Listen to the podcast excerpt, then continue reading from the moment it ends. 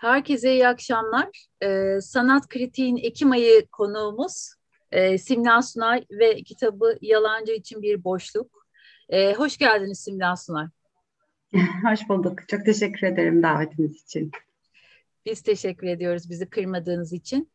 Ee, sizleri çok sıkmadan Simla e, Sunay bugüne kadar neler yapmış biraz onlardan bahsedeyim istiyorum. Sonra e, yavaşça sorularımıza girelim arzu ediyorsanız.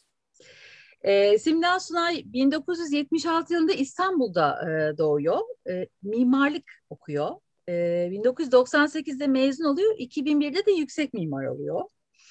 E, bu dönemden sonra yazılarıyla Architect, Arkitera, Yem, Mimarist, Mimarlık Dergisi, e, Beyond İstanbul, Amargi, Başka Haber, Biyanet, Deli Kadın, e, kültür servisi e, K24 ve Duvar'da hem öyküleri hem de yazıları e, yer alıyor. 2014-2016 yılları arasında Deli Kadın dergisinin kapaklarını tasarlamakta e, yer alıyor.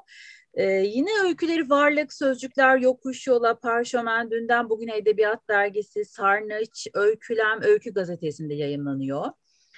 Ee, 2007 ile 2008 yılları arasında Taksim Tarlabaşı'nda toplum merkezinde e, göçmen e, çocuklara resim e, atölyesi düzenliyor. 2019-2020 yıllarında Cumhuriyet Kitap Dergisi Bebek Çocuk Gençlik Edebiyat sayfasını Taş Kağıt Makası Burcu Yılmaz ve Hafize Çınar'la birlikte hazırladı. E, hazırlıyordu kısa zamana kadar ama artık bizimleler. Sanat kritikte devam ediyorlar bu sayfalarına. E, 2018'de e, harika bir atölye e, yürütmeye başlıyor. Çocuk ve mimarlık değil mi? E, sonra 2021'de aynı e, ekiple e, bizimle birlikteler, sanat kritikteler. Dağ kaşındı, yürüyen çınar, çeşme ve rüzgar, güneşten sarı baldan tatlı, ve Kafrika'nın gölgeleri ve Beyzi Rami Eyüboğlu'nun hayatından esinlenerek e, yazılan e, Gökçe Akgül ile birlikte e, yayımlanan e, Mavi'nin Mutluluğu e, adlı kitabı, çocuk kitabı yayınlanıyor. E, 2018 ve 2019'da da Kadın Yazısı Edebiyat Festivali e, Organizasyon Komitesi'nde görev alıyor. 2017'den itibaren kadın araştırmaları alanına ve kadın hareketine e, yöneliyor. Ve Mimar Sinan Güzel Sanatlar Üniversitesi Kadın Araştırmaları ve Uygulama Merkezi ile Mimarlar Odası İstanbul Şubesi Kadın Komisyonu, e, Kadınlar Birlikte Güçlü, Kadınlar Greve İnisiyatifi e, üyeliğinde. Mekanda Adalet Derneği bursunu kazanan çok önemli bir e, araştırmaya büyük bir katkıda bulunuyor. Camilerin toplumsal cinsiyet ve mekan odaklı incelenmesi e, araştırma projesini Özlem Türkoğan'la birlikte, Türk Doğan'la birlikte 2019'da tamamlıyor. E, Kuzey ve Güneş'in annesi e, ve ilk öykü kitabı e, İç Bahçe 2013'te yayınlanıyor. Virgül'ün Şikayeti 2015'te ve son kitabı bu akşam konuşacağımız Yalancı için bir boşlukta e, yazarın son öykü kitabı. İstanbul, Çengelköy ve Gökova'da arasında e, yaşıyor. Yaşamını sürdürüyor. Peki, e, Simda Sunay, sevgili Simda Sunay, e, aslında e, bir tür şey gelenek gibi oldu e, bizim ilk sorumuz. E, o yüzden izninizle oradan başlamak istiyorum. E, Simla Sunay'ı masasının başına oturtan neydi? Onun yazma motivasyonu nedir? Öncelikle onu merak ediyoruz. Hmm, çok teşekkür ederim. Özgeçmiş hakikaten sıkıcı gerçekten ya. şey, e, masanın buna benzer bir soruyu bir söyleşide şöyle cevaplamıştım. Yani aslında o masaya doğdum gibi böyle çok da iddialı aslında tartışılabilir bir şey. Kadın olmakla ilgili. Biraz onu açabilirim ama. E, bu, ben şey düşünüyorum, kız çocuklarının okuldaki başarılarının daha fazla olması erkek çocuklarına e, ve kadınların daha çok okuyor olmasının bir gündelik e, direniş olduğunu düşünüyorum. Yani e, bir tür aslında ikincileştirmeye, ötekileştirmeye karşı bir tür direnç de taşıyor bu. E, böyle bir kolektif ama hani bağımsız da aynı zamanda.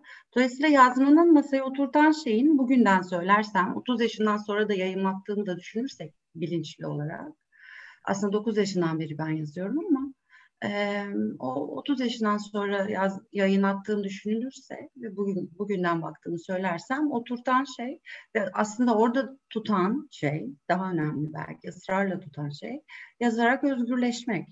E, yazmakla e, yani kadın olmanın bir temel ilişkisi var. E, benim için oturtan şeyi. Ama onun dışında belki de hani tanımlayamayacağım kadar çok şey de var tabii. Yani e, benim için aslında temel soru hani ben hep çizen bir çocuktum ve hani ressam olacağımı düşünürdü. Ben mimar oldum evet bu ilişkiyle ama yazmak ağır bastı ve ben hani bu soruyu her gün yine hala soruyorum kendime. Neden yazmak ağır bastı?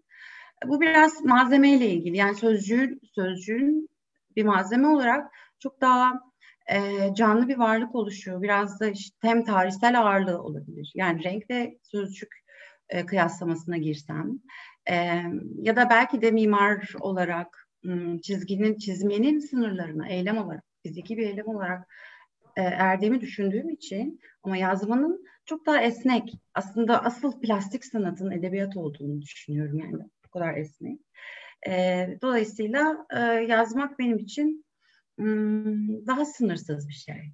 Daha e, hem özgürleştiren bir şey hem de içinde e, özgürleştirici olanı arayarak da biraz daha geniş ve e, e, e, rahat dolandığım bir alan diye düşünüyorum. Çünkü diğer her şeyde e, fiziki olarak yaptığımız işte bunu işte mimarlık da olabilir, inşaat da olabilir, e, bir tabloyu resmetmek de olabilir. E, daha sınırlar içerisindeyiz. Ama düşünce ve yazıda ve sözcükle olan ilişkide e, daha sınırsız, daha özgürüz diye düşünüyorum. Özgürleştirici olduğu kadar kendisi de zaten özgür bir alan. Türkçe de çok esnek bir dil. E, öyle söyleyeyim. Peki. Ee, kitabınızı e, adını veren öyküde Yalancı için bir boşlukta bir dünyaya bir çocuk doğurmuş da onu bir yalanın üzerinde yürütüyoruz diyor anlatıcı. Ee, bu öyküde çocuk oluş bir bakışın ta kendisi gibi açıklanıyor sanki ve e, çocuğun dünyaya tabii burası e, aynı zamanda e, dünyayı da konumlandırdığı, izlediği, gözlemlediği, oradan deneyimlediği, tecrübe edindiği, dünyayı öğrendiği bir ev. Ki bunu e, ilerleyen e, dakikalarda konuşacağız. Siz dünya ve evi e, birbirinin aynasında izliyorsunuz e, öykülerinizde. Ve e, bu öğrendiği yer olan ev aslında bir bakışın da kaynağı. E, bakış da bir ev aslında. Evden dünyaya da bir e, bakış var. Dünyadan da eve bir e, bakış var. Sonra bir de bir çocuk dili var. E, hatta konuşmayı henüz beceri haline getirmiş, parça parça fraktal e, bir e, konuşma, bir dil var. E, bu yapı, e, yani öykünün bu yapısı hayal gücüyle büyüklerin dünyasının bir maketi. Tıpkısı da değil ama e, sanki böyle bir baş, baş aşağı edilmiş bir hali gibi. Bir özgün hal ama bu çok e, çocuklara özgü ve e, özgün bir hal. E, yalan söyleme biçimi bile çok özgün orada. Ve diyor ki anlatıcı çocuktaki gerçeklik değil, bugüne kadar bildiğim ne varsa onunla baktığım için. Sonra çok çarpıcı bir şey daha çıkıyor anlatıcının ağzından ve diyor ki bakış ne cahil. Bakışın cahil olması ne demek? Bu bakış hangi bakış? Biraz onu konuşalım istiyorum. Aslında bakış biraz öyküde de tarifleniyor. Değil mi? Yani hani filmden ve fotoğraftan ayrı olarak bir cümle vardı orada. Yani öyle bir bakış. Ee, yani çok insan merkezli bir bakış da bu aslında. Gerçek bir zamanda, çok fiziki bir anda e, ve çok somut bir hal bu bakış.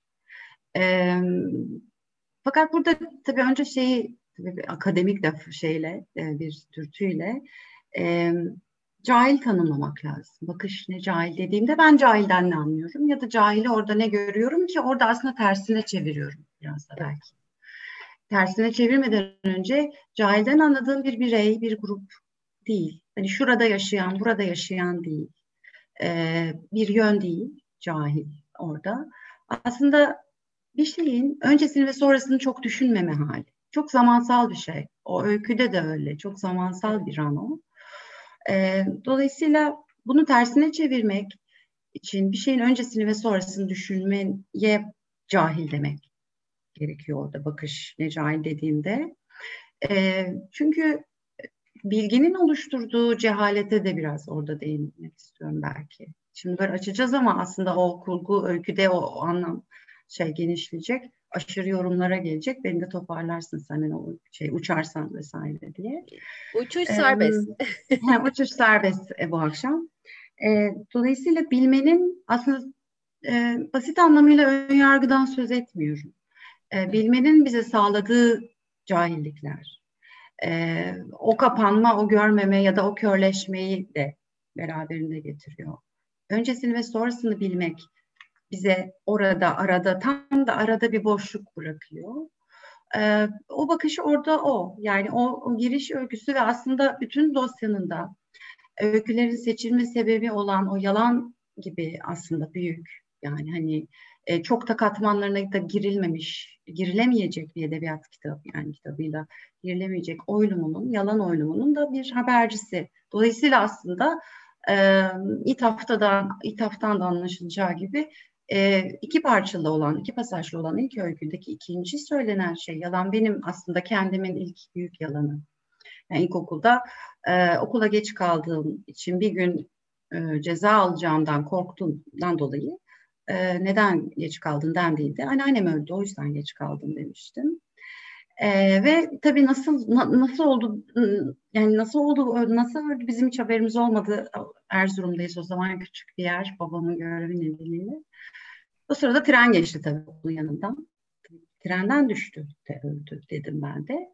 Ee, ve ondan sonrası tabii kaos ve hani çok büyük bir şey yani hani o büyük bir ders yani çünkü e, aynı gün içinde ya da bir gün sonra tam hatırlamıyorum e, bizim eve taziyeye geliyor insanlar. Çünkü yayılıyor o haber. Anneme Aa, annen ölmüş vesaire. Ve o, o, o hali bir düşün. Hani annem kapıyı açıyor ve taziye insanlar geliyor. Ve bunun işte sonrası o yalanın sonrasının o benim de yaşadığım yalandan hani korkudan yalan söyledim ama yalan çok daha korkutucuydu tabii sonrası benim için herhalde. Biraz bu öykü ona da bakan, e, kendi içinde de aslında yani e, burada e, şeyden kaçınmayacağım. Hmm, yani hani o küçük oyunları itiraf etmekten, onu da şey keyfine varabiliriz. E, bir iki anlatıcı var iki parçada. E, ama ikisi de aynı kişi aslında. Çünkü orada gördüğü çocuk e, başka bir yoldan geçen bir çocuk olamaz baktığı ve düşündüğü şey. O kurguda geliyor son cümlede. Çünkü çantanın arkasındaki yazıda işte Sevda Kalp Emine, Emine e, oluyor. Emine. Tabii Emine görünen şeyi onun bilme ihtimali yok. Eğer o aynı gün oluyorsa e, hikayede geçen meselede. Dolayısıyla ikisi biri yazan, biri anlatan e, aynı kişi, e, aynı karakter. E, ama işte sokakta gördüğü ve e, sokaktan geçerken bizim aslında bir yaşamın bir tam kesilmiş gibi bir ara kesitini aldığımızı anlatmaya çabası ve aslında onu bozan şey de e, kendi yaşadığı ve yürüdüğü bir günü, so- sokaktan geçtiği bir günü dolu vasıtasıyla aslında çağrışımını hatırlaması. E, fakat ikincisinde de daha konuşma, biraz daha konuşma diliyle işte ona en büyük yalanını söyler misin? Neydi senin en büyük yalanın diyerek başladım. Aslında bir şeyle bir, e, yani e, itiraf gibi bir e, başlangıç olmasını da istedim. Hani otobiyografik bir malzeme fark e, farklılaşıyor tabii öyküde. Yazarken de farklılaşıyor ama e, dolayısıyla otobiyografik malzemeyle kendi ilk büyük yalanımı hani geçmişte neydi düşünerek başlamıştım. Peki, e, bu öykülerdeki anlatıcı sesten devam edelim o zaman.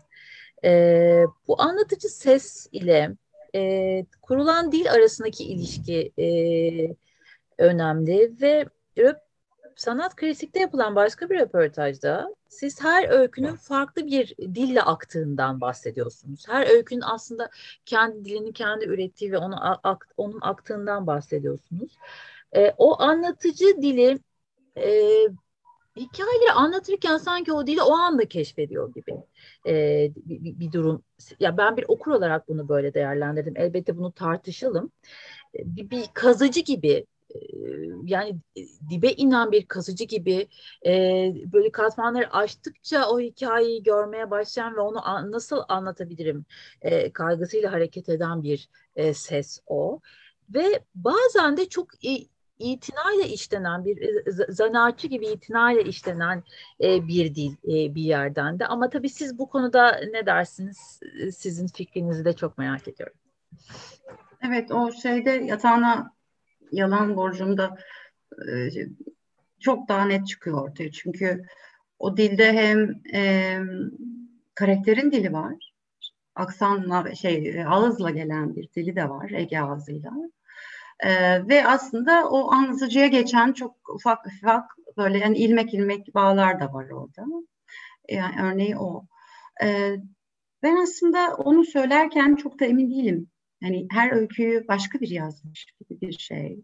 O bir aslında şey yapmak istediğim şey de ne kadar olur bilemem. Çünkü sanıyorum ben de meselede yakalanıyorum. Yani üsluptan kaçsam da e, meselede yakalanıyorum. Çünkü bana gelen söyleşilerden, gelen sorulardan da anladığım şey işte mimarlıkla ilişkili olma ya da mesele yapma ya da işte ekofeminist emareler vesaire gibi bir şekilde aslında e, ne kadar ben üsluptan yani hani o dil birliğinden öyküler içerisinde belirgin e, farklı öyküler içerisinde belirgin cümle tekrarlarından kaçınsam da e, şizofre, şizofreni bir dili hani oluşturmaya, şizofreniye değil ama bir dili e, oluşturmaya çalışsam da e, bu emareler işte bu sefer de konuda belki meselede ele veriliyor. Bu da aslında meselenin de ne kadar hani dil kadar e, önemli bir şey olduğunu, hani e, çocuk edebiyatında en azından öyledir, es geçildiğini, yazarın aslında e, temelde özgür bırakılmış gibi, yani konuyu yazar seçer gibi de değil ama öyle mi?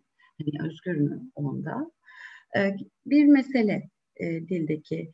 E, dolayısıyla üsluba karşı olan bu tutumumda tabii yani biçim ötesiyle ilgilenmem. Hani biçim dediğimiz şey aslında hani biçimci deni, denmişti bana daha önce. Ee, ama biçim dediğimiz şey aslında görüp biraz bilip tanıdığınız bir şey biçim eğer. Yani biçimleştiyse eğer. Dolayısıyla bunun dışına çıkma çabası yine o kadın yazısı ve kadın yazar olmakla da ilgili. Ona belki sonra geliriz. E, dolayısıyla onun dışına çıkmak o biçimin ötesi. Dolayısıyla alışıldık okuma biçimlerinden biraz hani e, çıkma hali dediğimiz şey.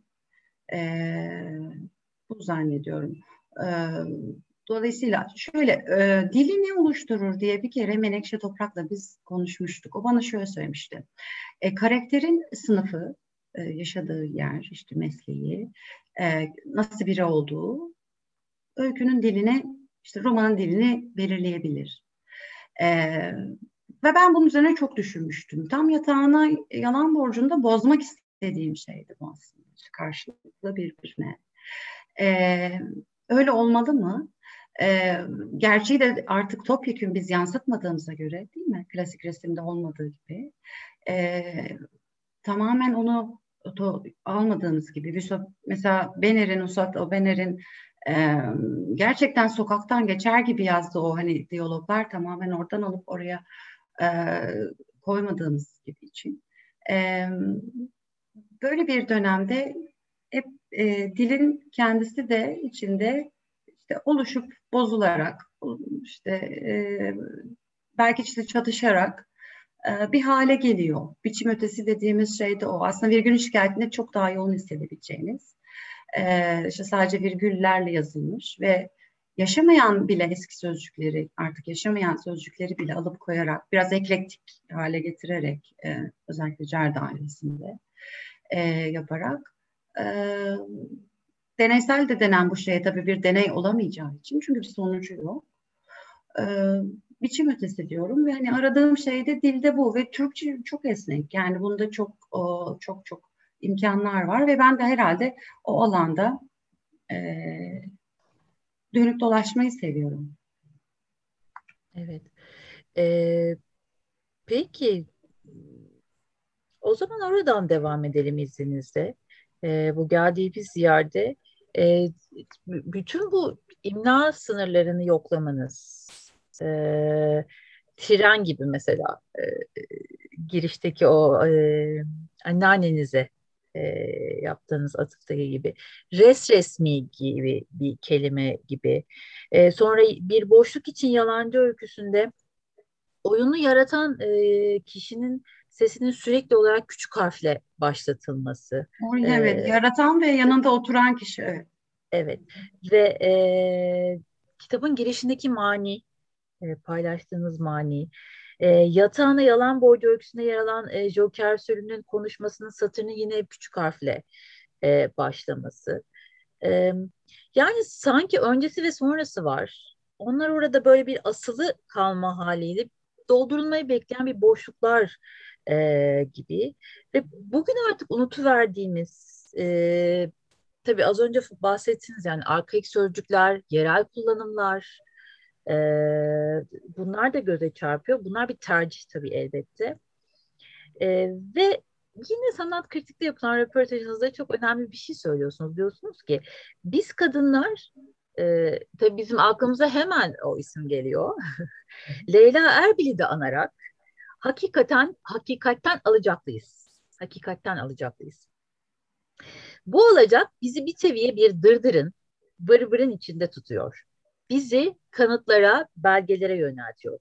Konuşarak ve yazarak hakikati yeniden inşa etme dürtüsündeyiz ki bu çok doğal.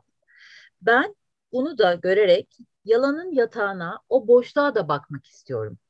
Olabildiğince. Kadınlar için e, bu boşluk hem kendiliğinden hem de öğretilmiş bir utançla oluşuyor. E, başka bir hakikat için ya da hakikatin sınırlarını e, yoklamak için e, önce dille mi hesaplaşmamız gerekiyor? E, ne düşünüyorsunuz bu konuda? Biraz oradan devam edelim istiyorum. Hı hı. Tabii başka bir hakikat derken neyi kastediyorsun? E, edebiyatın yarattığı hakikatler aslında. Hı hı.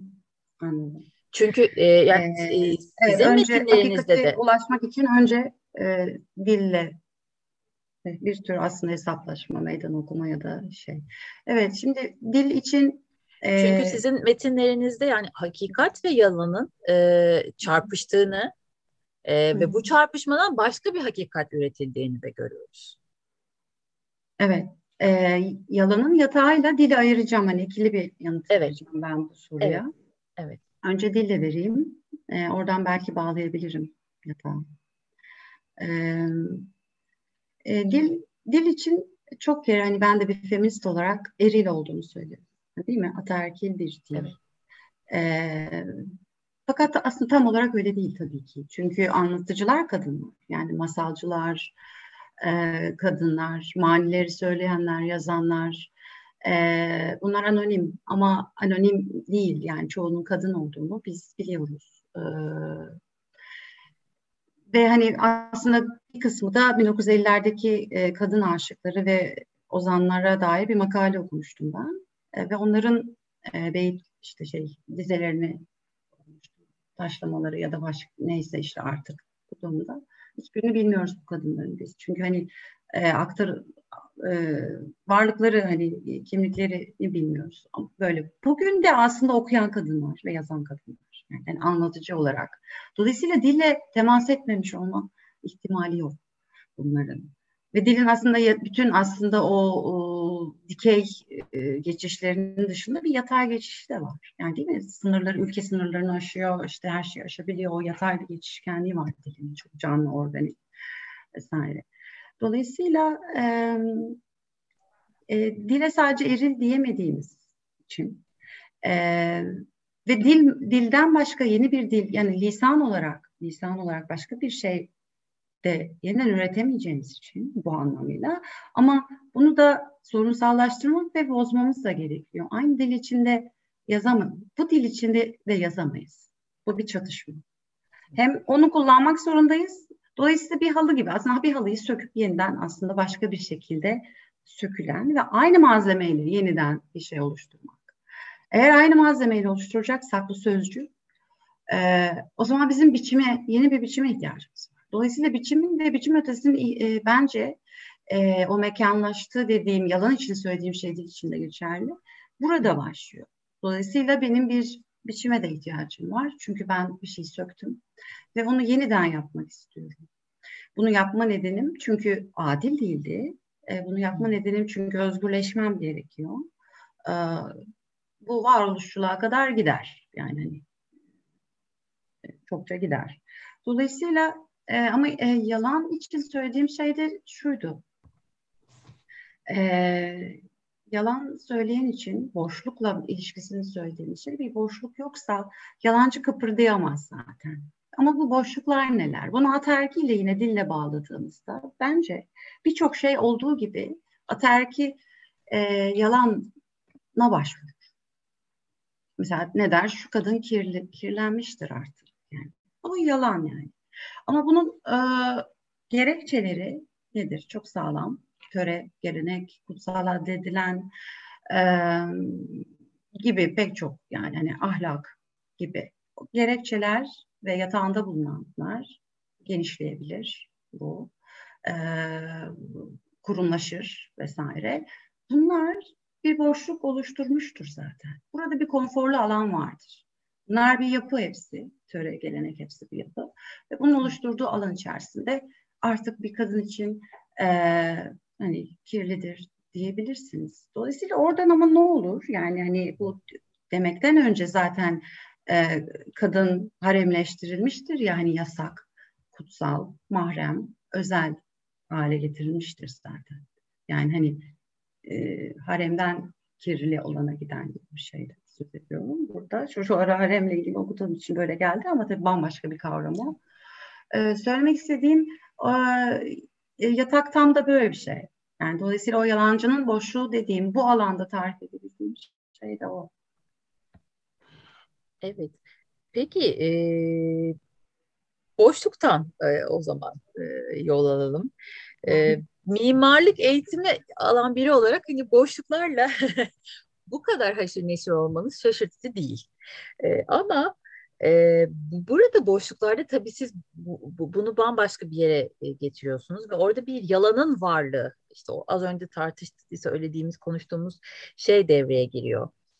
E, katman katman böyle üst üste binen boşluklarla dolan e, e, aslında e, bir, bir tür ihtimaller onlar hatta bir yalan ihtimalleri e, ve e, biz okur olarak önce yalanın varlığını görüyoruz, duyuyoruz.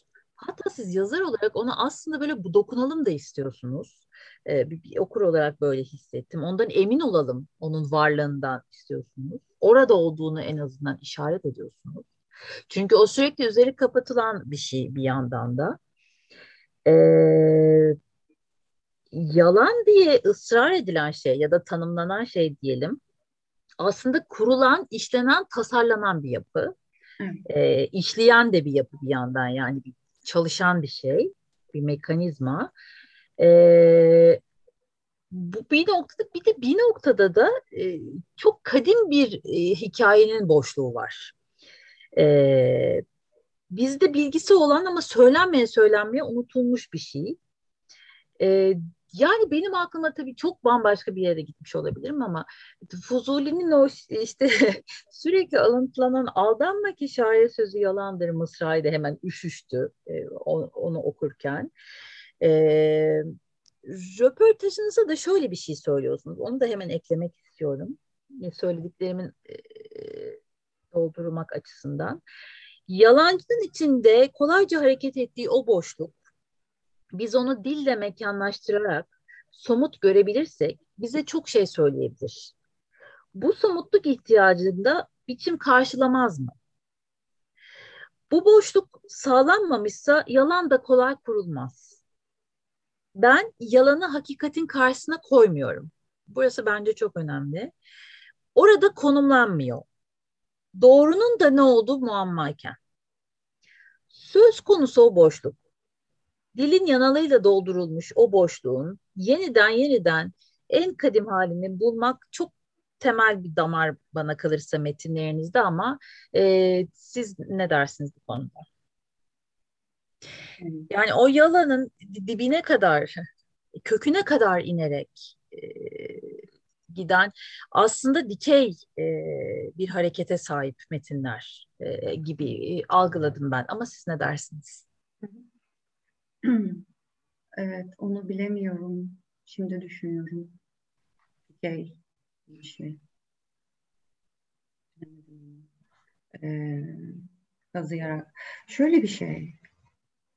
Ee, yalanı hakikatin karşısına koymamak e, hakikatle gerçek sözcüklerini ayırmak Leyla Erbil'de olduğu gibi. Evet. E, ve işte doğru zaten bambaşka bir şey. Evet. E, yalanın bize göstereceği gerçekler neler? Gerçek diyeyim. Gerçeği ben şöyle söylüyorum. Yani şöyle tanımlayayım. Biraz daha normatif olanın daha içinde rahat, konforlu oturduğu bir yer.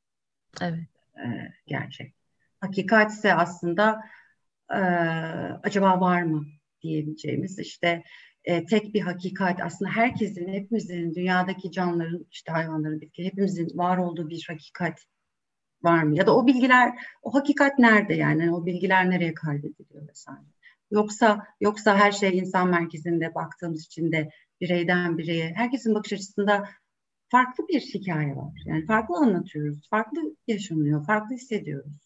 O zaman hakikate varamıyoruz gibi. Ama öyle e, bizim ihtiyacımız da var hakikate, bizim söylediğimize, e, bizim din, e, dinlenilmeye, e, söylediğimiz şeyin e, doğru olduğunu inanılmasına, hani deneyimlediğimiz, tanık olduğumuz yani neyse işte duyduğumuz, işittiğimiz, gördüğümüz veya bir, bizzat yaşadığımız şeyi. Dolayısıyla bütün bunlar yani bu birbirinden aslında ufak ufak ayırabileceğimiz e, tüm e, kavramlar üzerine e, de burada hani söyleşti yaparken düşündüğüm şeyde karşılıklı koymamak üzerine. Senin dediğin şeyde kazı üzerine e, ne diyebilirim? E, aslında tam da öyle olmaması gerekirdi belki. Çünkü e, doğrudan çıplak olarak ya değil mi? Üçüncü sayfa haberi ya da vesaire gibi bir yalan işte şey gibi sansasyonel bir şey de değil. Yani görmek istediğim. Tam o işte aslında çeperlerine bakmak, Hı-hı. cidarına Hı-hı. bakmak, et kalınlığına bakmak gibi bir şeydi. E, yalanla ilişkide. Çünkü benim için e, bunu aslında ifşa ve iftira üzerinden de bakabiliriz. Yani hani kitap içinde kalmamız da gerekmiyor belki. E, hani e, o büyük soru ifşa eden, e, tacizi ifşa eden kadının iftira atıp atmadığı. Velev ki iftiraysa. Neden o kadın yalan söylüyor?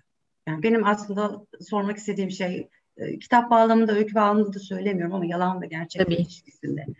Bir insan e, neden yalan söylüyor? İşte o, o, o nasıl oluşuyor o? E, ve hani e, bunun tabii hani kadınlar için hani mesela korkuyu düşünelim. Korku büyük bir boşluk oluşturuyor aslında içimizde. Bir sürü böyle odalar e, vesaire, yankıları vesaireyle ilgili. Dolayısıyla korkularımız e, bize yalan söyletiyor. Bildiğimiz şeyler ve bilmediğimiz şeyler aslında korkularımız ya. Bilmediğimiz şey nedeniyle de yalan söylüyoruz gibi. Yani öyle öyle hani üstüne düşünerek açmaya çalıştım. Değil. Ee, Ayı Merdiveni öyküsüne gelmek istiyorum izninizle. ee, orada mesela o tartıştığımız, demin e, konuştuğumuz şey e, kim anlatırsa e, onun bakışındaki bir objektifle var olan bir e, öykü o. Bakış burada çok merkezi konumda. E, mesela doğa bizi dinliyor. Burası çok e, güzeldi. Doğa bizi dinliyor diyen bir babaanne hikayeyi başka türlü kuruyor mesela. E, hikayeyi bizzat yaşayan kişi bambaşka bir yerde görüyor. Babanın günlüğünde bambaşka bir şekilde anlatılıyor. E, fıstıkların arasında e, dikilen zeytin ağacına sorsak o başka belki bambaşka bir şey fısıldayacak. Belki ayıya sorsak o da bir, başka bir şey söyleyecek. Ve o, o noktada e, bakışın mesafesi çok e, temel bir mesele. E, mesela o e, öyküyü okurken e, kafamız ayının saldıracağı yalanına takılı okuyoruz biz onu. Aslında o da bir yalan bir noktada. Gerçek, gerçeğe her an gerçeğe dönüşebilecek bir yalan aslında bir noktada ve orada ama beklediğimiz şey olmuyor ve e, ayının hiç hareketlerini hiç kestiremediğimiz bir anda ki orası bir boşluk işte.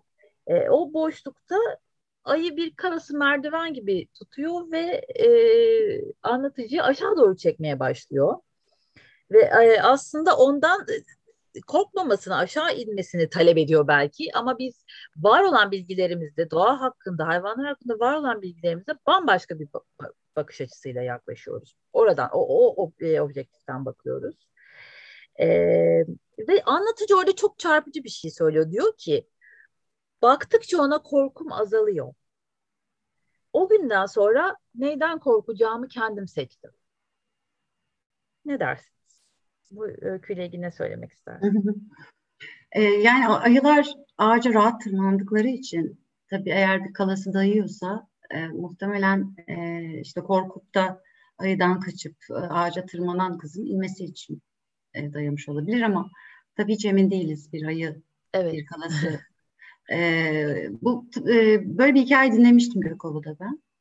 Ee, ama hep bu böyle e, birkaç kere anlatılmıştı da. Hep orada herkes gülerdi zaten hikayede de gülüyor dinleyen anlatıcı. Ee, yani bir ayı nasıl olur da kalası e, ve ayı merdiveni oldu sonra o işte ağaca dayar gibi. E, tam o orası işte neyin abartıldığı ve aslında neyin yalan, neyin doğru olduğu, kimi kimden koruduğu e, işte çünkü babaannesi yaşıyor bu olayı ve babaannesi e, ayı saldırısı diye düşündükleri e, olayda yanında e, kardeş abisi de var. Abisi silahlı. Orada soruyor zaten hani beni silahlı bir heriften mi korudu e, acaba hani bu ayı gibi. Evet. E, ve o yüzden de e, ayının vuruldu mu vurulmadı mı yani o, orada bir saklanan hikaye de var. Evet. Çünkü biraz e, evet e, şey e, yani doğayla bütünleşik bir e, babaanne var orada. Yani işte kuraklıkla, o evet. susamla, oradaki şeyle e, Gökova orası tabii ki. E, orada orayla bütünleşmiş. Bunlar da benim böyle şey otobiyografik denemez ama dinlediğim hikayelerden de birleştirdiğim e, bir şeydi. E, kurgusu o şekilde oluşmuştu. E, ve işte her susama bir sözcük diyerek aslında evet. anlatarak, genişleterek anlattığı şeyde yeni bir yalan eklemesine de gerek yok her anlatışta. Ayının e, vurulup vurulmadığını dair bir yalan var ortada. Çünkü bu bir e, aslında utanç. Doğayı seven bir kadının hani bir ayının öldürülmesi ki yok yere e, olduğunu düşünüyor sonradan. Yani onun öldürülmesine dair bir utanç ve kuraklığı da ona da bağlıyor aslında. Böyle bir inanç evet. silsilesi. Evet. E, ona da bağlıyor. Ama hani böyle inanan ve yüzü doğaya dönük bir kadının da yalan söylemesi ne tartışabiliriz. Neden böyle bir yalan söylüyor? Ee, ve aslında hani hikaye yazıp da hikayenin sonunda e, hani bu, bu hikaye anlatılmaz diyen anlatıcıya da hani sormak lazım. Yani anlatıp anlatıp bu hikaye anlatılmamalı e, demek de aslında biraz Fuzuli'ye geri dönüyoruz belki de. Yani hani anlatıp anlatıp e, işte Flaubert Madame Bovary oluyor falan hani oluyor evet böyle malzeme ve ama hani ama ne böyle Peki e, bu yalan e, damarından devam edelim o zaman. Bütün öykülerde yalanın bin bir, bin bir çeşit diline şahit oluyoruz. E, bir, bir tabii yani yapısı gereği de çok demonik bir damardan, kılıktan kılığa, dilden dile bürünüyor yalan. Yatağına yalan borcu öyküsünde e, çok çarpıcı bir öykü o da. E, termik santralin doğaya ve etrafında yaşayanlara verdiği tahribata karşı geliştirilen e, bir protesto e, hareket görüyoruz. Onu izliyoruz. Oradaki o e, oluşturulan protesto dilini de e, bir, bizzat geliştirilmesinin bir şahidiyiz. E, yani oradan e, yaşayanların içinden çıkan e, bir protesto dilinin şahidiyiz. E, yine küçük bir kız e, çocuğu var ve oğlunu bir kömür göçünde kaybetmiş yaşlı bir babanın gözünden e, de izliyoruz bir, bir, bir, bir objektif yani bir kamerada oradan izliyor. E, onların dünyasında onların evindeyiz aslında. E, Soma'ya dair fragmanlar da var. Çok canlı fragmanlar var. E, tabii bir de ekofeminist bir gözde var o öyküde. E, biraz bu konu e, öyküyü detaylı konuşalım istiyorum. Ne dersin? Hı hı. Evet, teşekkür ederim. Ee, önce şey söyleyeyim. Soma'ya dair e, değil. Yatağının tam kendisi termik santral 80'de kuruluyor ve e, aslında son derece orada biraz tarihlememin sebebi de o. E, son derece tarımsal olarak e, verimli bir arazi ve toprağın altı inanılmaz tarih. Hani böyle bir alana termik santral getirip konuyor. E, dolayısıyla aslında kömürün işlendiği yer artık hani orası üst toprağın evet. üstündeyiz. E, bir ray aracının düşmesi sonucu olduğunu kaybettiği için ve aslında zeytinlerine zarar verdiğini bildiği için termik santrale hep karşı durmuş bir baba, bir dede aslında. Dede. E, çünkü oğlunu evet e, ve torunu kanser. Yani yatağında çok ve Aydın'a doğru çok sık karşılaştığımız bir şey ve kanser. Orada kanser bir nişan gibi aslında işleniyor da. O evet. nişan geliyor protestonun da aslında bir yani tırnak içinde bir e, gösterinin de bir nişanesi de oluyor. Yani hani evet. pano diyemeyeceğim, bir e, pankart diyemeyeceğim, bir billboard diyemeyeceğim ama e, dolayısıyla küçük kızın alnındaki uğur da bir her şeyi de gösteren de bir şey. Yani hani orada açık açıklamaya da gerek yok. Apaçık yani ortada.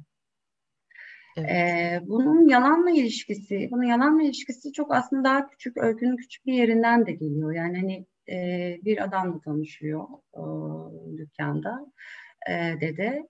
E, ve o kişiye hastalıktan hani dert yandığı zaman benim de oğlumda da olmuştu o aynısından ve geçmişti diyor. Ve ona inanıyor çünkü o bir avcı ve hani avcılar yalan söylemez diye düşünüyor. E, fakat sonra tabii hani e, gösterilere katıldığında çünkü tekrar e, bu arada zaten oluyor. Üçüncü termik santral de açılacak. Jeotermaller de açılıyor. Üç evet. tane köy taşınacak e, yatağından. Turgut köyü aslında bir şey.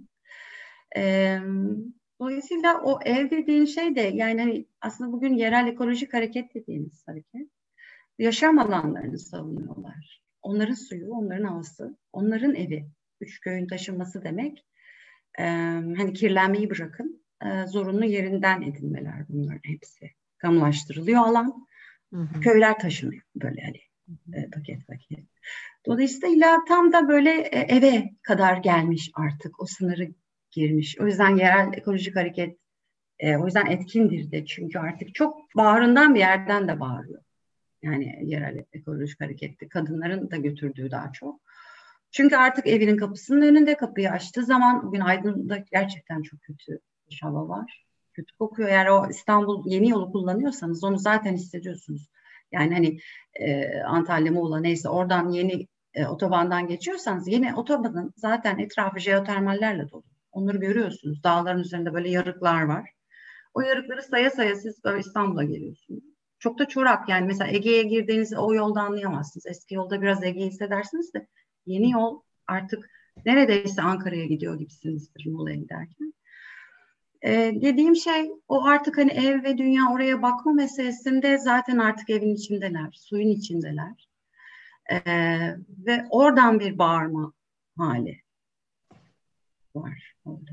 Yani yatağına e, yalan borcunda. E, tam da yatağına a, özgü şey e, bir yerel bir hikaye e, şey. O, o hikaye aslında dil üzerinde çalıştım. Yatağına has e, dil evet. bilim çalışmaları vardı. Onlara evet. çalıştım ama onu bozdum tabii. Yani o öyle öyle olduğu gibi değil.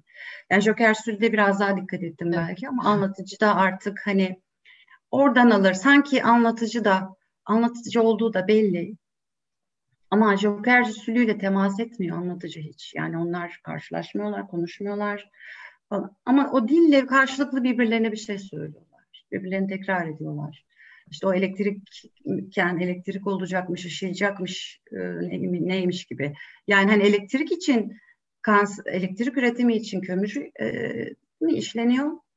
E, ve o yüzden kanser olunuyor ve sonra yine elektrik kullanarak bir ışın ve radyoterapiyla de iyileşiyoruz gibi. hani o döngü o döngüye de isyan eden bir hali vardı. Evet. E, orada bir e, yanılmıyorsam beni herhalde oraya o benim tamamen bir, bir, bir tür toplumsal hafıza gibi bir tekme meselesi vardı. Sanırım hı hı. Soma'yı çağıran şey de oydu ama dediğiniz gibi evet yatağın orada güçlü. Ama ee, evet olabilir tekmeden düşünmedim olabilir. Evet. Peki e, bütün öykülerinizde bir e, ilenme halinden ziyade aslında bir küfür ve sövme var muhakkak ve bir bir, bir tür böyle dizginlenemez bir e, öfke ama yani bunu ben tabii ki negatif anlamda söylemiyorum. Bu böyle çok kendi yatağında akan değiştirilemeyen bir öfke. E, ne dersiniz? Yani aslında Joker sürünün öfkesi gibi değil mi? Yani evet. o, onun öfkesinden bakarsak bu aslında demonik dediği şey yani şeytani dediğimiz şeyde e, onu düşünebiliriz.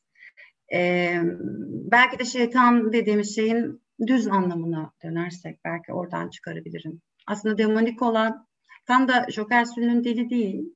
Çünkü e, o bir yaşamı savunuyor diyelim. Evet. Bir hayatı yaşamı savunduğunu evet. düşünürsek. E, ama demonik olan bir şey var gerçekten. O da e, bütün hani e, iş cinayetlerini düşündüğümüz zaman ortaya çıkan bir şey. Ölümü inşa ediyoruz biz mimarlar. Şöyle ediyoruz. Bugün gotik katedrallerin yapımında kaç işçi öldü? Piramitlerin yapımında kaç işçi öldü? Ya da işte barajların, kanalların, köprülerin yapımında ve hani işte termik santrallerde ve madenlerin içinde fark etmiyor. Ee, bu alanlar, hmm, şuradan örnek vereyim aslında. Yani kitaptan yine çıkarsak daha iyi olacak. Ee, biliyorsunuz e, Mecidiyeköy'de Torun Center'da bir asansörde 10 işçi öldü asansör arızalıydı ve hani e, bir e, şey e, hatalıydı yani bir iş cinayetinde 10 işçi öldü. Dolayısıyla hata da yapılan ve tasarlanan bir şey gibi düşünülüp bir sorumluluk alınması gerekiyor. Yani inşa edilen bir şey orada bir ölümün çok demonik yani. Ölümün inşası o. Oysa mimarlık değil mi? Yaşam alanı üretir. Öyle mi ama işte? Acaba öyle mi? E, orada da mimar çıkıp e, demişti yani hani mimarların sorumluluğu değil iş cinayetleri. İşte, unutmuyorum onu. E, yani iş cinayeti yani da işte o, o iş güvenliği mimarın listesi değil. Mimar yaşamı yapıyor çünkü. O çok demanik olan da bu zaten. Aslında öyle değil yani. E, bu sene 2600 işçi öldü e, sağlık çalışanları dahil olduğu için bu rakam maalesef bin artı oldu. Yani 1500-1800 arasında işçi ölüyor yılda. E, ve bu mesele e, şey yani hani inanılır gibi değil. Fabrikalar dediğimiz yerler hani ölüm alanları. İnşaat çok yüksek oranda gibi. Dolayısıyla neyi inşa ediyoruz biz yani? Neyi inşa ediyoruz? Hangi teknoloji, hangi çağdayız? Değil işte tamamen işte bu şeyle ilgili. Yani hani e, tamamen eşitsizlikle de ilgili bir mesele. Yani bu teknolojide hala nasıl işçi ölür? Bunu bir sormamız gerekir. Orada da tabii yatağının hem e, getirdiği termik santral olmakla getirdiği tahribatın yanı sıra tabii ki işçi ölümleri e, ve onun artık işte halka halka yayıldığı bir hayat. E, Kezzap'ın ee, öfke bu yani. Hani öfke dediğim şey aslında yaşam savunmanın bir öfkesi belki öfkesi. olabilir. Ama benim diğer hani diğerlerinde nasıl bir öfke var onu bilmiyorum. Ee, ke, bu konuştuğumuz şey Kezzap'ın notlarında aslında e, bir yapıya oturtulmuş durumda. Kezzap'ın notları e, notları çok çok çarpıcı bir metin. E, bütün bu işte e, tasarlanan ölüm e, ne diyelim mak- makineleri değil ama yani yaşam alanı olarak tasarlanan şeyin bir ölüm makinesine dönüşmesi işte inşaatlardan bahsettik. Ama siz burada bambaşka bir şey yapıyorsunuz ve e, burada mekanik olanla e, doğa yani vahşi olan şey iç içe geçiyor Kezav'ın notlarında ve e, vahşi hayvanların e, birbirlerini kurduğu avcı tuzaklar yani böyle avın paylaşılması onun bir e, kuralı var içgüdüsel bir bekleyişi var işte e, sırtlanlar var akbabalar var tabii bunların bir, bir noktada simgesel de olduğunu e, görüyoruz öyküde. E, fakat burada bu, bütün bu şeyin e, avcı e, vahşi avcı yaşamının, vahşi hayvanların avcı yaşamlarının modern mekanik bir replikası gibi Kezab'ın notları. E, bir örümcek ağı var. Bir, bir yerde böyle bir, bir fütüristik denebilir mi bilmiyorum ama çok mekanik ve bir ölüm makinesi yani ölüm üreten bir şey. Bir yok etme yani makinesi. E, sonra o arada da tabii hemen bir not alma, belgeleme. Orada bir kadın e, işçi. E, onu da biz e, ancak düşüp e, yerde parklar ayrıldıktan sonra kadın olduğunu görebiliyoruz. Aslında e, çalışırken cinsiyetsizler onlar. E, çok da önemi yok aslında yani bir e, güç yani insan gücü orada bir meka, me, e, makine gücüne denk geliyor.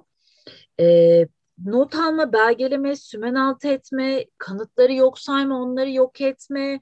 E, orada bir kadın işçi ölse bile e, sistemi devam etmek için son derece gayretle de, e, çalışmaya e, itinayla sürdürmesi. E, orada işte mekanikle etin, e, sinirin, kemiğin karşılaştırılması, e, doğadaki av sahnesinin taklit edilmesi, ee, bir de öyküde anlatıcıdan şöyle bir şey duyuyoruz. Gerçekleri hatırlamadan yalana uyduramaz ki. Bu öykü için ne dersiniz? Bu öyküyü de konuşalım istiyorum. Çok çok değişik bir öykü çünkü. Evet, en kapalı değil mi? Öykülerden biri. Üst gerçekçi öyküde semboller var. Doğa sembolleri bunlar. Mesela sırtlan aslında avın ikinci sahibidir doğada.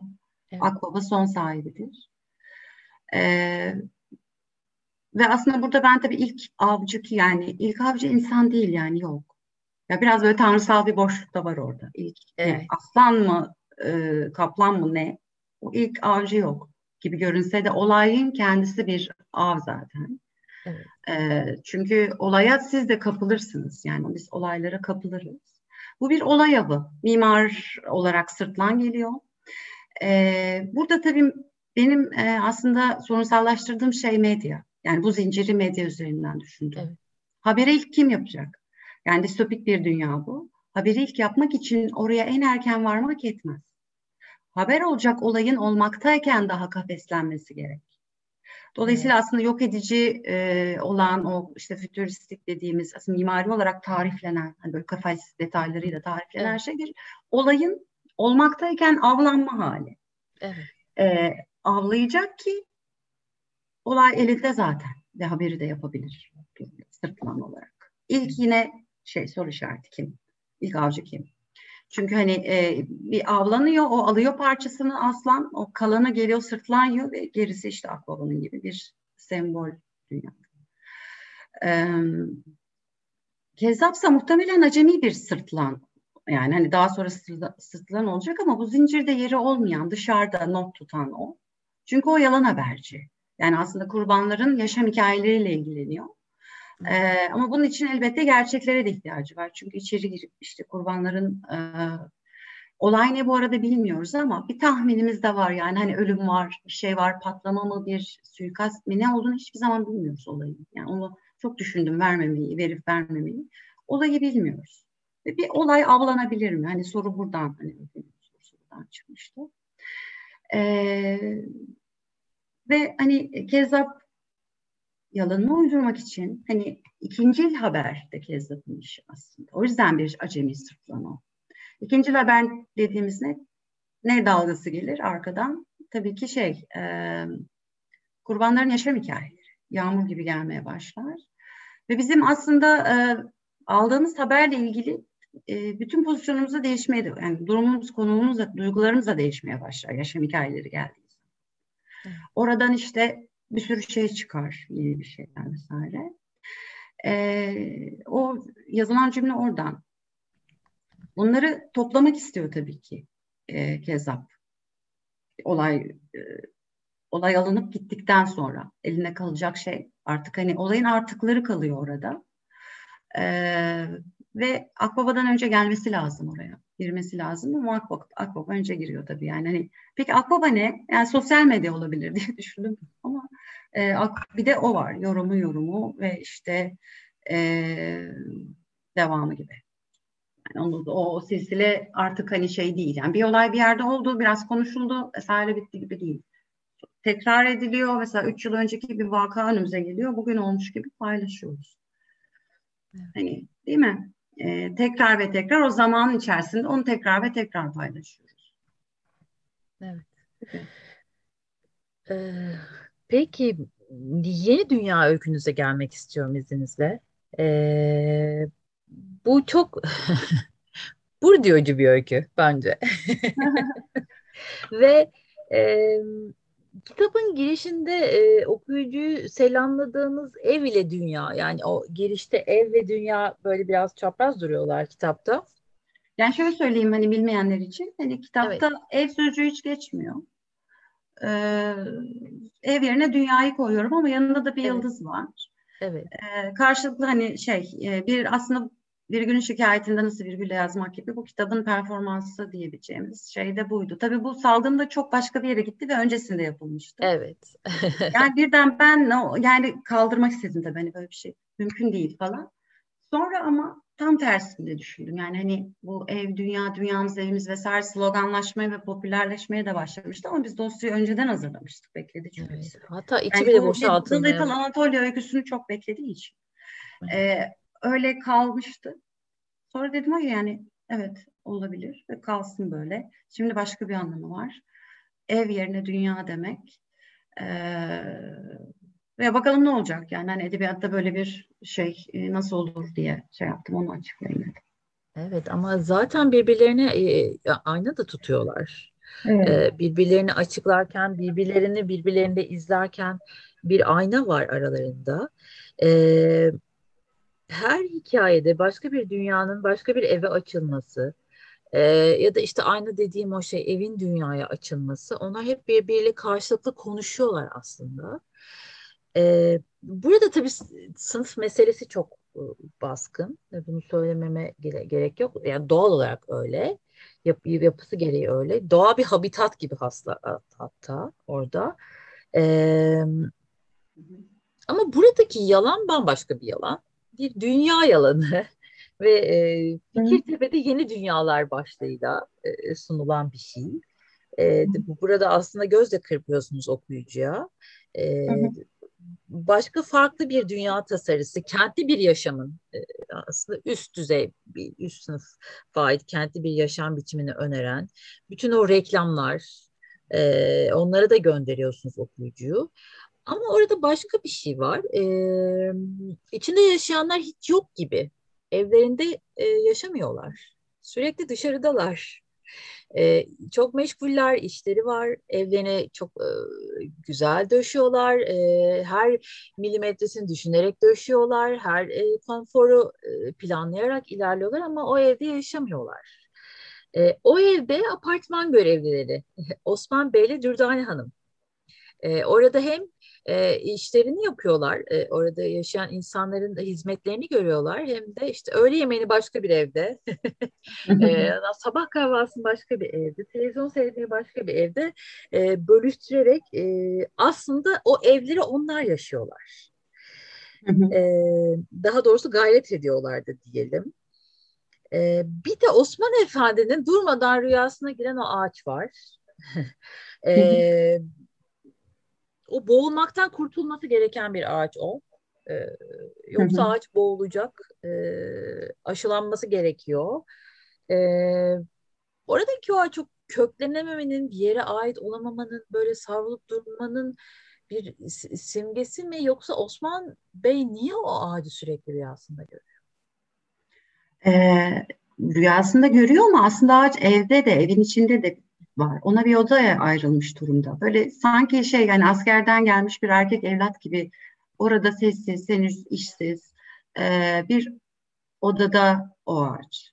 biraz temelleri kazarsak, toprakta koyarsak hani oraya bir ceviz ağacı dikmiş aslında evin içine. O binanın sahibi Osman Efendi. Aslında ondan önce orada muhtemelen bir gece kondusu vardı ve arsa değerlendi ve birdenbire işte Fikirtepe yazınca öykü birden değişiyor zaten tek sözcükle. Evet. Ee, ve arsası değerlendi ve oraya hani bir şekilde e, bir apartman da dikildi. Ve oradan oda daireleri edildi. Çoğu dairenin onundu vesaire işte. Ee, ve o daireleri sonra ya sattı ya kiraladı. Buradan oğluna bile aslında işte dizilerde ışıkçı olan oğluna bile hani evet. yer çıkmadı. Hani onlar burada yaşamıyorlar. Ve kendi yaşadığı yerde yine o binada bir bodrum katı. Aslında fazla evet. bir mekan yok orada. İki oda yani çok küçük bir alan. Yaşam alanı yok. Hani gece kondudayken işte bahçesi vardı belki hani bir şey vardı tavukları vardı daha eskiden dediğimiz o şeydi. Şimdi artık çok daha dar bir alanda. Yani hani e, ve e, evde e, apartmanda yaşayan kişilere de bir şekilde aslında kimisi ücretli, kimisi de yardım ve destek. Yani bir işte şey komşuluk hali gibi gibi olan şey aslında bir tamamen gündelik hayat yalanı. E, çünkü e, namazını dahi evde kılmıyor. Çünkü cami evet, evet. daha yakın diye e, şeye gidip bir başka bir eve anahtarları hepsi. Zaten bütün mesele anahtar ve anahtarın sesi hikayede o devam ediyor. Evet. Çok fazla anahtarı var Osman Efendi'nin. Kimi işte kimi seyahatte olan e, ev sahiplerine işte kim ücretli kim destek için vesaire gittiklerinde aslında kahvaltıyı da, çamaşır asmayı da, ütüyü de e, yaşam içinde tavla arkadaşıyla tavla abartı yani hani biraz artık arkadaşıyla tavla oynayacak kadar balkonu daha güzel diye. Böyle bir e, orada e, aslında bence mal sahiplerinin de çok belirgin değil o. Bilip bilmediği belki çok da öyle bir evet. yaşamı bilmiyorlar yani. Hani ad, o insan orada gelip benim odamda namaz kıldı vesaire benim peruklarımı taktı e, işte Uyudu, kıyafet evet. çünkü Evet evet yani e, bir tane evde de bir hani eski sanatçı var tiyatro sanatçısı ve hani onun kostümlerinin en sonunda Osman Efendi kafasına bir peruk geçiriyor hali bu yani. Yani o kadar o derece o evlerin ve o yaşantının o, o evin verdiği şeye kaptırıyor ki kendini. Ee, ve hani evden mesela bir şey kırsalar hani mesela baykuş heykeli kırsalar gidip hani onu alacak dükkanı dahi biliyorlar. Biliyorlar evet. Aslında yani hani kendileri e, e, belki de kendi tabii kendi tercihlerinin de olduğu ama değil dışarıdan rantın dayattığı bir şey de var bu. Yani onun e, da, e, da yani rant yaşam e, sat, sattığını söyler. Ama burada biz hani onun olamadığını da görüyoruz bir şekilde. Mal sahibi üzerinden de bunu görüyoruz. Nasıl bir yaşam bu? diye bunu soruyoruz. E, dolayısıyla e, fakat onlar bir taktik geliştirmişler. Kendi evlerinde e, çünkü çok değerli yani hani üst katlarda satsam daha fazla para eder. Üst katta ben niye yaşayayım? Çünkü para olarak daha fazla, yaşam olarak daha fazla değil. O yüzden ben küçük bir yerde yaşamaya devam ederim onun da parasını alırım gibi bir düşüncede. Ama buna dair de taktikler artık gelişmiş yani. Hani daha mutfağı güzel olan yere çıkıp orada kahvaltımı da edebiliyorum vesaire. Yani bir taktikler ve ne o, o şey e, işgaller ve sınırları aşmalar da oluşmuş kendiliğinden bu e, yalanın içinde. Evet. E, ağaç ve ağaçsa aslında yani hani işte tabii bir kırsalın simgesi yani bu bir göç e, eski bir göçmen diyelim kente. Çünkü birinci yıl değil de yani daha ikinci gece kondulaşma değil apartmanlaşma dönemi. E, ve ağaç büyüyecek tabii tavana değecek. O beton tavana değdiği zaman artık e, bir gerçeklik oluşacak orada işte boşluk kalmayacak. E, ve ağaç tavana değdiği anda ağacın bir ağacın bir odada yaşayamayacağı gerçeğiyle karşılaşacak. Ve bununla aslında boğuşuyor. O yüzden rüyalar görüyor ve hani e, ve nihayetinde yani aşılasa ne olacak? Yani o ağacı kesmek zorunda. Yani hani sürekli budayarak bir şey yapsa da yine de hani o, o bir, bir noktadan sonra yaşamayacak. Az ışık alıyor zaten bir yerde. Hani açabildiği kadar ışık ona verebiliyor. Dolayısıyla o orada işte o ağaç oraya tavana değdiği anda bir gerçeklik doğacak diye düşünüyorum boşluk kapandığında. Peki, e, şimdi e, The Little Anatolia'ya gelelim. Eyvah. epey, epey oylumlu, e, epey yakıcı bir hikaye. E, röportajınızda bu hikayeyle ilgili şöyle söylüyorsunuz. Onu alıntılamak istiyorum izninizle. Ee, kadınların örtük geçmişine usul usul bir aralık açma derdinde. Ancak bir kadınlar ülkesi de değil. Kadınlar ülkesi olma eğiliminde ama olamamayı da işliyor sanki. Cevheri bir Anadolu şehri e, olmasından çok Anadolu'nun bir replikası. Bunu öyküde de söylüyorsunuz yani Anadolu'nun replikası olması ki replika da aslında bir noktada bir yalan. E, sıkıştırılmış, küçültülmüş bir hali.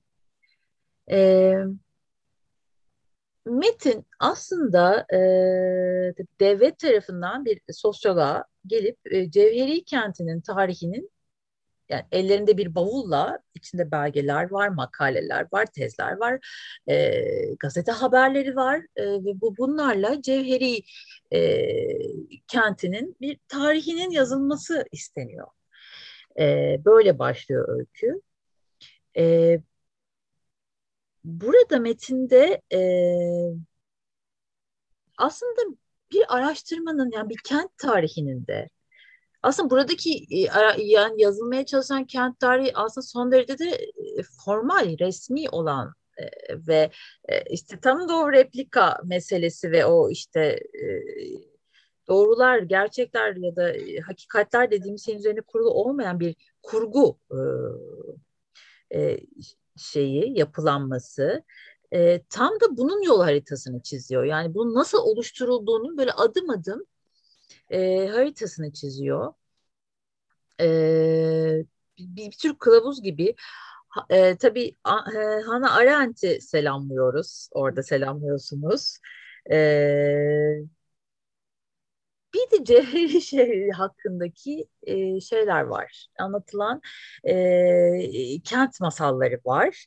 İşte altında e, insanların mimari yapıyla insanlara geçen bir cevher olduğu, insanları e, bir, bir noktada işte e, oynadığı ve işte isyankar yaptığı üzerine bir e, teori bu.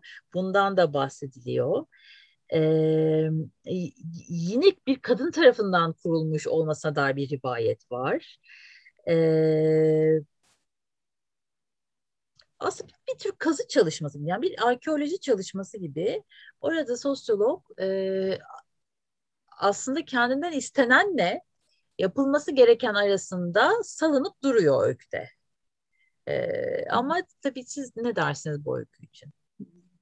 Evet, sosyolog İnci e, beni de sosyoloji doktorasının kapısına getirdi. Yani 4-5 yıllık bir e, öykü bu. Yazım çok uzun sürdü. Biraz böyle romanlaşma eğilimi de vardı uzun bir öykü halinde ama evet. öykü e, e, öykü olarak nicelikle hani niceliğini tutabildi hacminde diyeyim. E, Cevheri aslında e, bazı sorulardan yani e, yani Küçük Anadolu e, birçok şeyden de etkilenerek de doğmuştu aslında. Yani yoldan saptı ama hani e, ilk soru aslında şeydi yani ilham Dersim'di tabii ki. Yani Osmanlı döneminde de isyanların yeri olan ve hani türlü devletlerle e, isyanların da olduğu e, ve devletlerin de bastırmak istediği sürekli üstünde durduğu bir e, bölgeden, tek bir şehirden değil bir coğrafi bölge dersinden bahsediyoruz. Ona dair bilgi okumak, biraz merak etmek ve aslında onu e, böyle Anadolu'nun da o çok kültürlü halini, çok dilli halini, işte e, hep söylenen o işte şey öncesi kavimler göçü vesaire, tiranlar öncesi anaerkillik halinin de emarelerin olabileceği bir halinin e, çok ileri demokrasiye geçmiş, aslında çok totaliter bir halden geçmiş bir e, ülkede ee, ve biz şimdi bu şehirle ne yapacağız? Biz artık çok demokratik ve ileri demokratik bir ülkeyiz. Yani işte artık çok biz harikayız yani. Fakat ama böyle de bir hala böyle bir şehir var. Ve hani e, biz bunu ne yapacağız? Ve biz bunu anlayalım tabii sosyolojik olarak. Biz bunu hani demokratik bir şekilde yaklaşırken değil mi? Yani hani e, bir e, anlamaya çalışalım. Daha iyi anlamaya çalışalım. Biz neyi kaçırıyoruz? Gibi. Tabii bu aslında e, şey e, anlamaya çalışmak da aslında e, bir hani bir araştırma mı yoksa işte aslında hazır olanı bir şekilde ona yedirmek mi gibi sosyolog karakterin e, çokça şüphe ettiği. Yani bana e, işte o bavulu ben mi dolduracaktım? O bavul hani zaten dolu mu yoksa hep mi boştu gibi hani sordu. Bavul oradaki evet boşluk imgesi gibi. Evrakların hani her şeyin konduğu yanında sürekli taşıdığı ve e, bir hani izlek olarak da devam eden bir imge de aynı zamanda bavul tabii. E, bir yere aslında tarihini yazarak ona sahip olma meselesi. Yani hani tarihini yazarsak e, zamansal olarak da kronolojiyi onu koyarsak tamam o bitti leblebi e, ve biz o şehri demokrasimize de katabiliriz. Hani her şeye katabiliriz gibi bir e, mesele. Bir diğer soru da aslında e, gezi bir devrim olsaydı e, ve her şeyi de, yani değiştirebilseydi, hükümet devreseydi ne olurdu? Sorusu üzerinden de çıkmıştı. Oradan kaydı ama e, ne olurdu? Böyle hani ileri demokrasi yani aslında ülkenin yani işte hayali o ülkenin ve onun bir şehri, hayali şehri, cevheri koyduğum yerde çokça aslında e, halk meclislerinde işte parklarda bizim çok çok konuştuğumuz, hayal ettiğimiz şeylerin gerçekleşmiş halini de koymuştum. Yani öyle başlamıştım.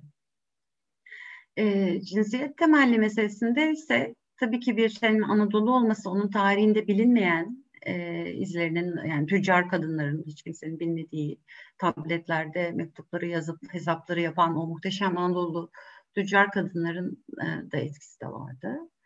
E, ve tabii ki artık hani e, mesele e, bir e, tarikat zannedilen şeyin aslında bir tarikat olmadığı, belki de bir evet çok eski bir kadın hareketi de olabilir. Hani sır şey bence şey spoiler sorunumuz yok öyküde. Yani hani cadı yani ilk Anadolu'nun cadıları hani Anadolu'da sırtlan evet. şey var mı? Bir kaplan panter var mı dediğimiz şey. Anadolu'da cadı var mı? E, dolayısıyla onu e, bir keşfedip keşfetmeme hali e, ne dönüştü o daha sonra. Öyle diyeyim. Daha nasıl açayım? Çünkü hani çok katmanlı ama hani Tabii. bu kadar anlattığım gibi kadar karışık olmadığını umuyorum. evet karıştırdım. Yok hiç karışık anlatmadınız. Son derece sistemli anlattınız. Zaten e, öykü okuyanlar da e, kendilerine bir rota çizecektir anlat, anlattıklarınızı doğrultusunda. E, son öyküye gelmek istiyorum izninizle. E, bir boşluk için yalancı. E, burada da AKM'yi e, görüyoruz. AKM'nin tarihini görüyoruz. Aslında bir e, yıkılma ve yeni baştan e, yaratılma tarihini, kaybolmaya yüz tutmuş yeniden tasarlanan mi, e, mimari tarihine bir e, dokunuşla başlıyor. Sonra bir oyun formu içinde yani o mekanın e, çağırdığı oyun formu içinde bir roman e, yazma çalışması aslında bir taslak metni gibi. E, metin taslak metin. E, Sonra e, romanın ismini e, Cenderehane e, olarak e, belirliyor anlatıcı ve e, burada e, Leyla ve Mecnun Mesnevisi'nin modern bir roman formundaki yorumunun yaratılmaya gayret edildiğini görüyoruz. Yani o aşamaları görüyoruz. Sonra e, cinsiyetleri belli olmayan e, iki tutkulu sevginin birbirlerini baskılamalarını ve ezmelerini anlatmak istediğini öğreniyoruz anlatıcıdan. E, ve bunu diyor ki kendi dünyasından camın diğer tarafına bakmak olarak tanımlıyor bunu. E, sonunda da kitabın yani öykünün son şeyinde de e, kitabın içinde sakladığı inci var. Yani o inci şeyi çok e, kullandığınız için kullanmak istedim.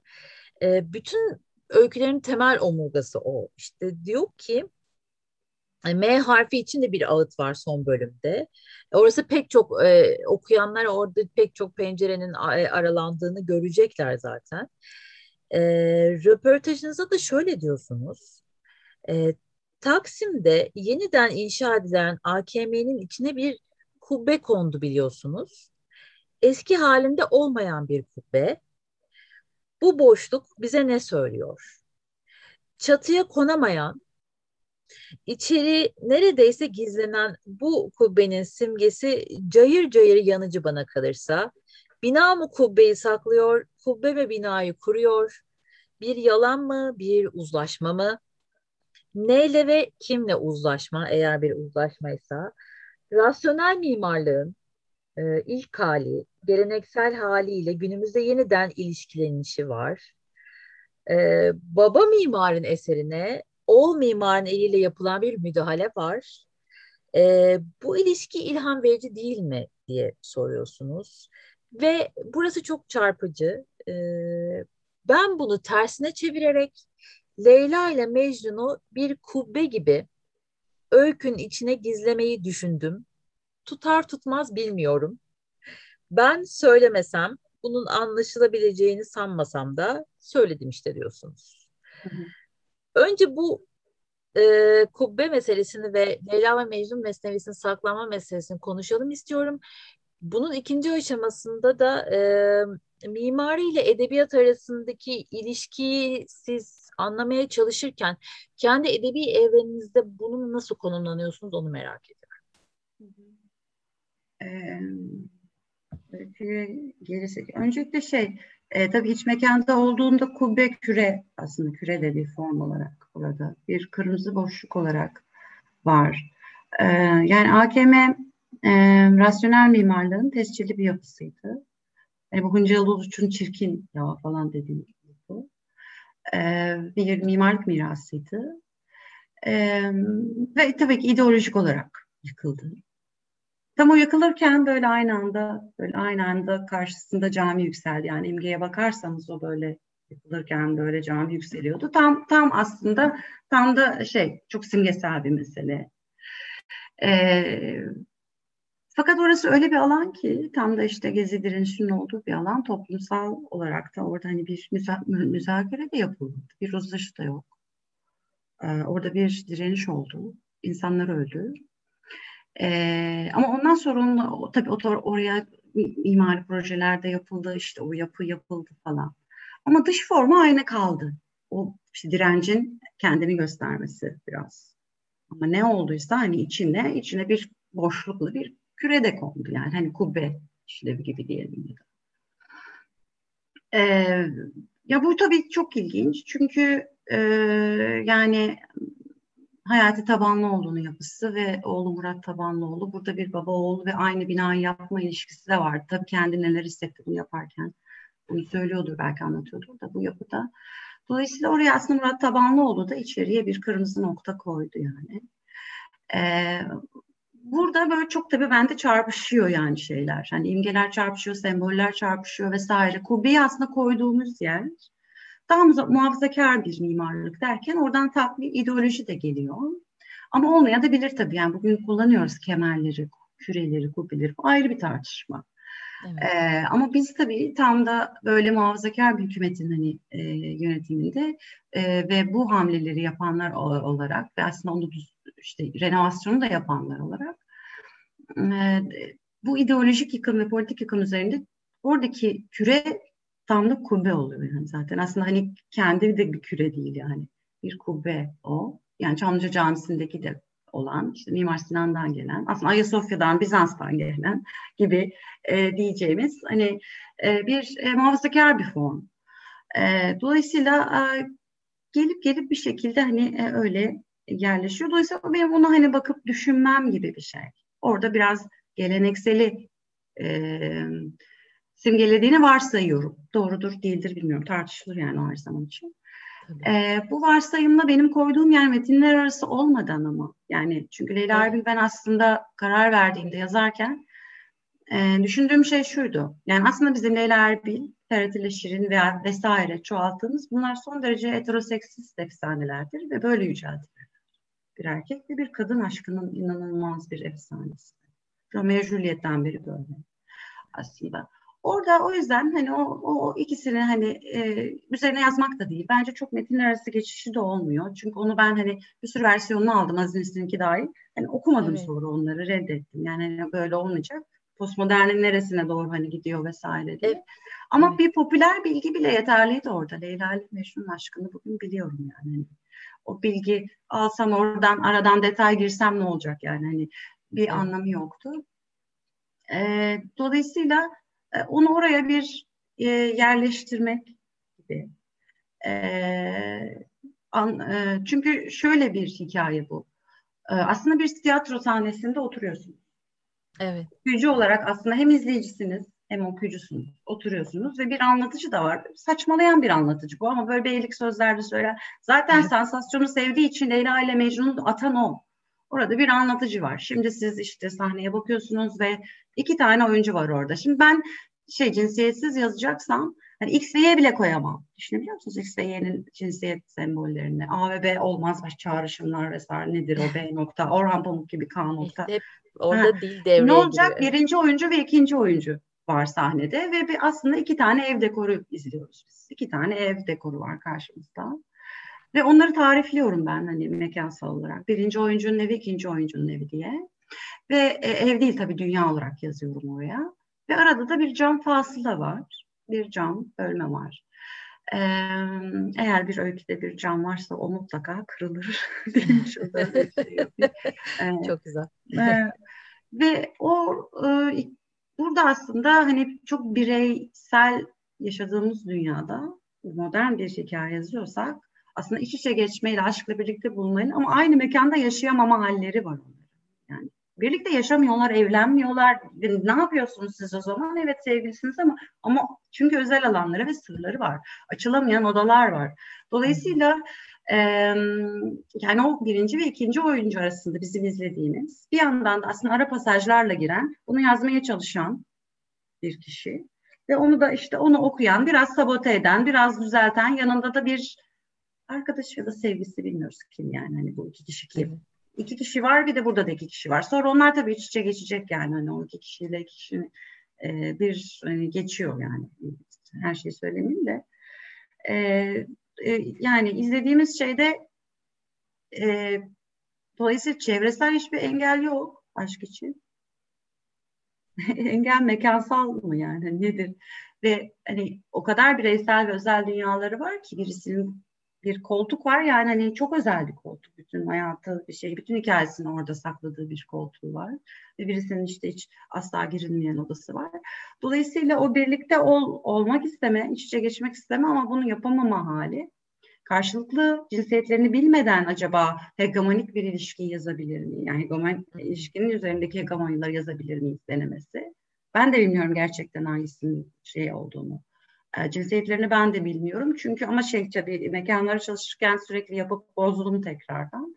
Evet. Bilmemeye, kendimi bilmemekle. Çünkü dönem dönem yazarken bir tanesinde bir cinsiyet bende de basıyordu. Hani bir erkek basıyordu. Bunda hani kadın basıyordu. O öbüründe öyle oluyordu vesaire gibi. E, onu da yapmamaya çalışarak hani e, denemeye çalıştım. E, tabii e, kitabın en tırnak içinde deneysel e, en hani okuma alışkanlıklarından farklı öyküsü e, böyle oldu. E, yine yine tabii benim aşurelerimden bir tanesi hani bir sürü e, mesele vesaire içinde ama e, okurken bir şekilde böyle konuşurkenki gibi değil tabii kendi kendini saklıyor her ne kadar e, şey olsa da yani hmm, klasik bir hikaye klasik anlatımda olmasa da e, kendini korur öykü diye düşünüyorum. Ee, ama anlatınca böyle. Evet. Peki. Ee, benim notlarımın ve sorularımın sonuna geldik. Ee, sevgili Simla Sunay. Sizin eklemek istediğiniz, e, mu muhakkak söylemek istediğiniz bir şeyler varsa e, onları alalım. Sonra e, soru bölümüne geçeceğiz. Benim mi? Evet. Ha, benim eklemek isteyeceğim bir şey. Yo, çok teşekkür ederim. Hayır ben çok konuştum zaten. Yani çok gevezeyimdir de hani böyle. Şey, e, bir de hani açılırım sonra topu başa hani toparlayamam falan vesaire. Çok teşekkür ederim yardımcı oldum. Ee, söyleyeceğim, eklemek isteyeceğim bir şey yok şimdilik. Peki çok teşekkür ediyoruz. Ee, sorularınız varsa e, onları alalım. Ee, Münire Çalışkan Münir'den. e, Tu Evet, çok severek okuduğum bir kitap Yalancı için bir boşluk diye bir not düşmüş. Ee, imza gününüz ne zaman bekleyenler var diye soruyorlar. ee, Aylin Altaner, e, Simlacığım başarıların daim olsun e, diye bir not düşmüş. E, teşekkür ediyoruz Ahmet Kayaoğlu. Ee, Çok teşekkürler. Evet ben artık ne söylediysem seyircilerde soru dahi oluşturamamış. Böylece hani yazılandan daha da fazla karıştırmış da olabiliriz. ee, çok teşekkürler Aysel Durgun. Eksik olmayın. Çok teşekkürler. Ee, peki soru yoksa e, bu ayki programımızı kapatıyoruz. Ee, sevgili Simge Aslı'ya çok teşekkür ediyoruz. Ee, katılan, bize vakit ayıran herkese e, ayrıca çok teşekkür ediyoruz. Kıymetli vaktinizi ayırdığınız için. Ee, önümüzdeki ay görüşmek üzere sevgiler. Çok teşekkür ederim. İpek'ciğim önceden de tanıştan İpek diyorum. Ee, evet. Çok keyifli bir program, çok e, derinlikli bir söyleşi oldu. Beni de çok yeniden yeniden düşündürdü. Ee, çok teşekkür ediyorum. Sabrından dolayı da herkese ve hani bir sürçülisan ettiysek de affola. Evet, peki. İyi akşamlar. İyi akşamlar.